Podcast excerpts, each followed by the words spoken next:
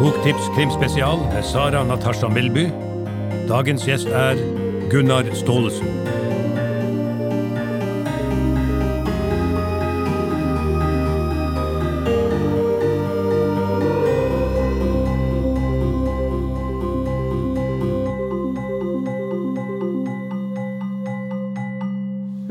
Til eh, krimfestivalen. Mannen vi nå skal eh, prate med, har eh, utgitt bøker i snart 50 år. Det er ingen overdrivelse, Gunnar Staalesen, å kalle deg en nestor i norsk krimlitteratur. Hva tenker du selv om det? Nei, Jeg må vel akseptere den tittelen etter hvert. Jeg ga ut min første kriminalroman i 1975. Og um, Tor Edvin Dahl, som kalte seg David Torjussen den gangen, han er jo fremdeles uh, aktiv forfatter. Men ellers er jo da de fleste av mine samtidige, for å kalle det det, de utgir ikke bøker lenger. Um, så man må jo da innrømme det at man har holdt på i Ja, til sammen har jeg vært forfatter i over 50 år, så det nærmer seg halvt, det er blitt et halvt år. Hvis vi skrur tiden da mange år tilbake, eh, selv før du begynte å skrive, eh, hvordan var ditt første møte som leser med krimlitteraturen? Ja, Som så mange andre barn på 1950-tallet, så begynte det nok med amerikanske serier av typen Hardy-guttene og eh, Frøken Detektiv, som det het den gangen. Eh, detektiv, detektiv, Nancy Drew ble det vel hetende litt senere, når man ikke skulle ha frøkentittel på det. Eh, og så var jeg jo så Jeg var ganske heldig, eh, må vel ha vært en 10-11-12 år gammel, da jeg fikk en bunke med detektivmagasiner i hendene. Og Detektivmagasinet var jo et blad som kom ut i mange år. Så vidt jeg husker det siste gangen i 1966. Og den store helten der var jo Knut Gribb. Og Knut Gribb er jo den norske detektiven fremfor eh, noen. Det er ingen, ingen som har løst flere krimgåter enn eh, en Knut Gribb eh, fra begynnelsen på rundt 1908, tror jeg det er, og helt frem til i senere tid, når jo nyskrevne Knut Gribb-fortellinger har vært i Radioteatret. Men så må jeg nok si det at jeg pleier å fortelle om en en mørk og dyster høstkveld i Bergen. Fordi jeg var jo en lesehest. Fra jeg hadde lært å lese, så gikk jeg i rute på Bergen offentlige bibliotek, på barneavdelingen og etter hvert inn i ungdomshyllene der, og leste meg gjennom de fleste bøkene de hadde på den avdelingen. Og så var det nok en eh, mørk og dyster høstkveld, som sagt, og jeg hadde lest alle bøkene jeg hadde hjemme. Og så gikk jeg til min far og spurte har ikke du et eller annet her i bokhyllene som jeg kunne få lov til å lese. Og da ble det mm, så han nok et par titler oppi de hyllene som han ikke ville gi meg helt ennå. Men uh, han plukket ned en uh, liten bok som jeg har et veldig nostalgisk uh, forhold til. Den har jeg i bokhyllen bak her fremdeles. Og jeg åpnet den boken, og der sto det da 'Hun fra Baskerville'. Og så står det da en, 'Den nye fortelling om Sherlock Holmes'. Og eh, jeg har nok sånn i tilbakeblikk tenkt at eh, når jeg leste det første kapittelet i eh, 'Hunden fra Baskerville', da ble jeg for alvor dratt inn i den, si, den litt mer seriøse kriminallitteraturen. Og så har det jo da i og for seg fortsatt etter det. Hva tror du det var med liksom, sjangeren som fascinerte deg da? For som du sier, du var en lesehest og leste mye forskjellig, men hva var det som gjorde at det liksom var krimsjangeren som tok et ekstra godt uh, tak i Gunnar Staalesen? Nei, det er jo det at når man er barn og leser mye, så leser man jo mange bøker av store forfattere som var fremragende fortellere, eh, og som fortalte da klassiske historier på en klassisk måte. Best å nevne Alexander Dumas med 'De tre musketerer', 'Greven Monte Cristo', og, og, eh, og eh, Charles Dickens, Jules Verne, Stevenson, alle de store navnene som mange av oss da leste som litt sånn forkortete barneutgaver først, men som senere da vi leste i uh, fullformat. Og uh, det jeg oppdaget da jeg leste mine første kriminalromaner, er jo at uh, her er det også den typen fortelling. Det er en fortelling som er spennende å lese. Det er et greit språk, det er gjenkjennelige personer, og det er en handling som man blir dratt inn i på den måten at man, man kan ikke legge boken fra seg. Vi har jo alle hatt de opplevelsene opp gjennom årene. At du ligger der til klokken halv to-to om natten og bare må lese boken ferdig fordi du må vite hvordan det går. Og den gangen hadde jo ikke jeg noe tanker om at jeg selv skulle bli kriminalforfatter. Eh, det var noe som dukket opp litt senere, som vi sikkert skal komme litt tilbake til. Men, eh, men bare det å lese en kriminalroman ga meg da en såpass eh, sterk leseopplevelse. At, og det å få Altså, det, det, gikk jo fort over til at jeg leste da i tillegg til Conan Doyle, leste jeg jo de store klassikerne. Eh, Agatha Christie, Quentin Patrick. Og det som eh, gikk igjen i den klassiske kriminalfortellingen, var jo alltid at det var et mysterium som virket eh, umulig å løse for andre enn den aktuelle mesterdetektiven. Og i de siste kapitlene, helst i det aller siste kapitlet, så fikk du en solid overraskelse. Da fikk du plutselig en løsning som du selv overhodet ikke hadde tenkt var mulig. Og Spesielt Agathe Christie var jo veldig god på akkurat det. Og, da, og det var jo det var en liten sånn ekstra sånn kan si, Et ekstra jordbær på toppen av kremkaken når du fikk den eh, slutten der. Så det, det, det, har nok en For meg i den perioden har det en sammenheng med leseglede. Når begynte det da å, å spire litt, dette med at det kanskje skulle bli en eh, krimforfatter av deg, og ikke bare en leser? Ja, altså Jeg var jo eh, ganske klar på at jeg skulle prøve å bli forfatter allerede da jeg var 17. Eh, gikk på gymnaset, som det het den gangen, og Eh, var begynt å skrive små dikt, eh, noveller, eh, tekster. Og jeg var jo helt sikker på at jeg skulle bli den nye Knut Hamsun eller Henrik Ibsen eller et av de store navnene. Jeg tenkte overhodet ikke på at jeg skulle bli krimforfatter. Og jeg fikk utgitt min første roman 22 år gammel, i 1969, og en ny liten bok to år etterpå. Eh, og da var jeg fremdeles på det sporet at eh, her var det den kommende store forfatteren innenfor skjønnlitteraturen som eh, var kommet på Hadde meldt sitt, meldt sitt ankomme i norsk litteratur. Men så hadde jeg jo da noen mørke år når jeg da skrev både en roman som ingen ville gi ut, og en novellesamling som ingen ville gi ut. Og parallelt med det så hadde jeg jo da oppdaget en litt annen type kriminallitteratur enn den jeg hadde fordypet meg i som leser tidligere. For det som skjer på midten av 60-tallet, er jo da at uh, Gyldendal begynner å gi ut Den svarte serie. Uh, og denne, som var da en serie med oversatt kriminallitteratur, og etter hvert en del norsk. Uh, og de lanserte jo da en del navn på, for norske lesere som var helt ukjente for oss, eller i hvert fall mer eller mindre ukjente. Og det mest interessante navnet i vår sammenheng her, det var jo det svenske forfatterparet Sjøvald og Valø. Eh, med den aller første romanen 'Rosianna', som kom da ut i eh, Den svarte serie.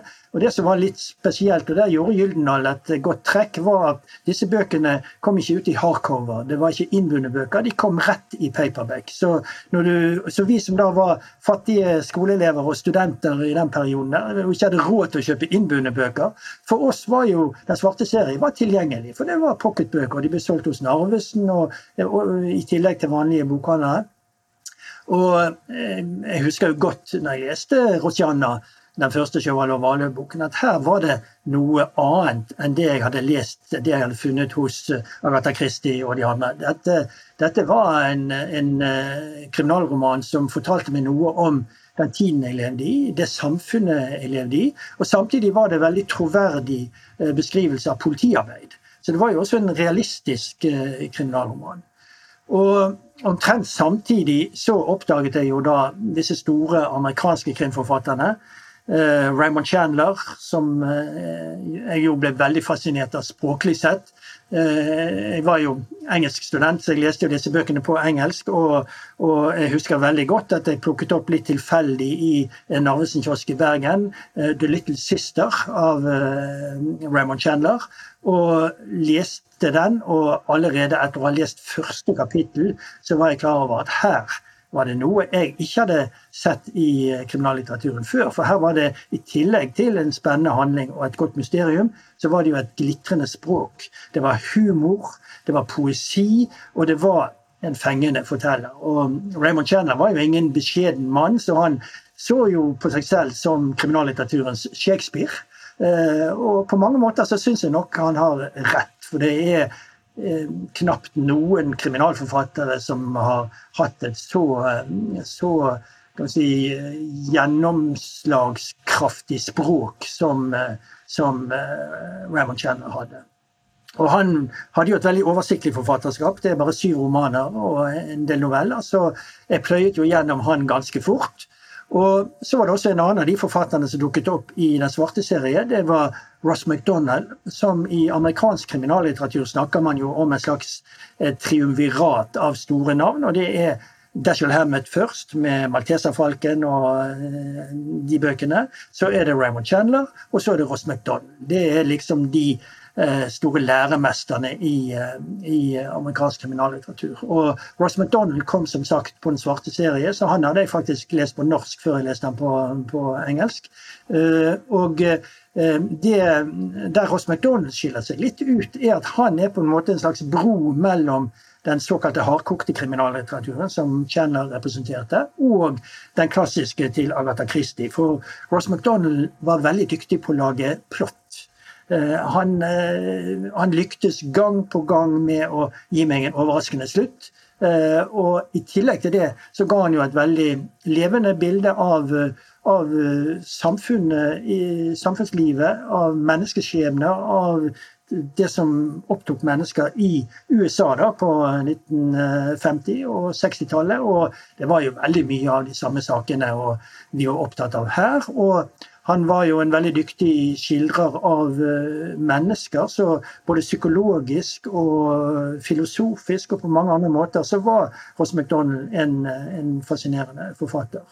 Og alle disse eh, tre her de hadde jo privatetterforskere som sine hovedpersoner. Det var Sam Spade, riktignok bare i én roman, men han hadde noen andre detektiver også. Dashiell Hammett. Så var det Philip Marlowe, som er detektiven til uh, Raymond Chandler. Og så er det Lou Archer, som er detektiven til Ross MacDonald. Og de dukker jo opp i en uh, mer norsk variant senere i mitt uh, forfatterskap. Ja, en mann vi alle etter hvert har blitt uh, godt kjent med. Uh, men så har det jo skjedd mye med dine bøker også, Gunnar, på, på, disse årene som du har holdt på. Hvis vi går litt ut i et større bilde først, hva, hva tenker du at har skjedd med krimlitteraturen generelt på disse 50 årene? Hvordan har den utvikla seg? Ja, altså det, Da kommer jeg igjen tilbake til Sjøvald og Valø, det svenske ekteparet som jo ble ble eh, trendsetter. Altså det de gjorde, det var eh, De laget et vannskille i, eh, i kriminallitteraturen. Og selv når du leser da norske krimdebutanter i dag, så ser du jo arven fra Sjøvald og Valø. Eh, Riktignok har den gått via Henning Mankel, eh, først og fremst, som jo var altså Jeg pleier å kalle Sjøvald og Valø kongen og dronningen, og Henning Mankel kronprinsen. Eh, men de er jo innenfor akkurat den samme tradisjonen. De skriver om troverdige, realistiske politietterforskere. Og det er jo politiromanen som jo har vært den eh, dominerende sjangeren innenfor kriminalromanen i Eh, siden dette gjennombruddet som da skjedde i norsk kriminallitteratur på 1970-tallet. Altså da, da, både Jon Michelet og jeg debuterte i 1975, så var vi jo helt klart inspirert av Sjøvald og Valø. Og, og, jeg skrev mine to første og den fjerde kriminalromanen som politiromaner om to etterforskere i Bergen, som jeg kalte Dumbo og Maskefjes, og som jo er på en måte veldig inspirert av, av uh, Sjøvald og Valø. Eh, og så skapte jeg jo da eh, Vagveum, og eh, ble da privatdetektivforfatter stort sett resten av mitt krimforfatterskap. Og der har jeg jo vært relativt enerådende. Det er ikke så mange andre privatetterforskere i norsk kriminallitteratur. De aller fleste har gått i sporene til Sjøvald og Valø, og har da mannlige eller kvinnelige politietterforskere som sine hovedpersoner. Hvilke fordeler og ulemper tenker du at det har vært eh, ved å ha en eh, privat detektiv, hvis vi kan bruke det uttrykket? Ja, altså det Fordelen med å ha en privatdetektiv, og det var grunnen til at jeg valgte å flytte fra politiromanen til privatdetektivromanen, det er at en privatdetektiv eh, står litt friere i eh, hva han kan gjøre enn eh, politietterforskere kan. Nå har vi jo nok av eksempler på politietterforskere som nok bryter de fleste regler i politiarbeidet, med Harry Hole kanskje som det fremste eh, eksempelet der. Men, men eh, jeg følte nok at det var en, en liten klamp om foten å skulle forholde seg til regler og, og arbeidsrutiner og tekniske undersøkelser og alt det som politiet må gjøre. Jeg, ville, jeg likte meg mer i en, i en, uavhengig person som da ikke får den samme tilgangen på alt det. og Derfor trenger ikke jeg bekymre meg så veldig mye om å kunne alt som er å kunne om DNA f.eks., eller om, om, om, hva man finner ved å skjære opp lik, og mobil, mobildekning, og hvordan man kan følge mobiltelefoner gjennom byer og ut på landet. Jeg er som forfatter mer opptatt av de litt mer psykologiske elementene ved Eh, forbrytelsen som skjer. Og se litt på årsakene, grunnene både samfunnsmessig og personlig psykologisk, hva som fører til at noen i en gitt situasjon begår et drap. For det er jo som oftest eh, et drap som er den sentrale forbrytelsen i en kriminalroman. Og det følte jeg at eh, jeg kunne gjøre på en måte som passet meg bedre. Og det var kanskje litt eh, denne, den gamle drømmen om å bli en Hamsun eller Ibsen, altså en forfatter som eh, tegner eh, samfunnet man lever i, som gjorde at jeg, jeg har i alle de årene siden jeg skrev den første Varg Veum-romanen, og det begynner å bli snart 50 år siden det også, så har jeg jo vært, følt meg veldig komfortabel med det. Og kommer vel til å fortsette med det noen år til, håper jeg. Ja, og det er jeg jo veldig glad for at du sier, eh, for det er jo spørsmålet avslutningsvis. Eh, Gunnar, 50 eh, år, hvor mange krimromaner har det blitt? Er vi på midten, slutten av 20, 20 i antall der? Ja, altså Hvis du teller alle bøkene, alle krimbøkene, så er det nok et sted opp på 20-tallet. Ja. Det er jo Offisielt er det 19 romaner om Vagneum. Eh, så det er vel den 20. som da eh, blir den neste. Eh, men så er det jo et par sånne mellombøker. altså Jeg skrev en liten bok sammen med Fredrik Skagen som man kan regne med. Og så er jo faktisk Varg Veum dukker jo opp i denne bergenstrilogien min fra slutten av 90-tallet, der han til og med oppklarer dette 100 år gamle mordmysteriet. Og så har jeg jo vært med på å skrive syv tegneseriebøker om Varg Veum. og Eh, noen julehefter med originale fortellinger. Så eh, det blir eh, Det er ganske mange produkter etter hvert. da, og Som man vet, så er jo Magnem også vært Han har vært filmet, han har vært på teater. Vi har utgitt, utgitt CD-er med hans originalmusikk. Jeg sitter her på kontoret og ser på en, en, profilen hans på veggen der, laget til hans 70-årsdag for noen år siden. Eh, så eh, det er Valgvem har fulgt meg tett gjennom eh, store deler av mitt forfatterliv, og kommer nok til å bli med meg gjennom resten av det også. Ja, Det er vi veldig glad for å høre, Gunnar. Og vi kan jo la det være det siste som blir sagt i denne samtalen. Veldig veldig hyggelig at du var med. Og så håper vi helt uavhengig av at dette var en veldig hyggelig samtale, at vi sees live på Krimfestivalen neste år. Tusen takk for at du var med. Det får du håpe. Ja, takk skal du ha. Og hvis du likte denne samtalen med Gunnar eh, Staalesen, så er det jo greit å vite at på krimfestivalen.no så ligger det mange flere samtaler med mange forskjellige forfattere. Så bare let deg litt rundt og finn en ny video å se. Boktips, en podkast fra Cappelen Dam.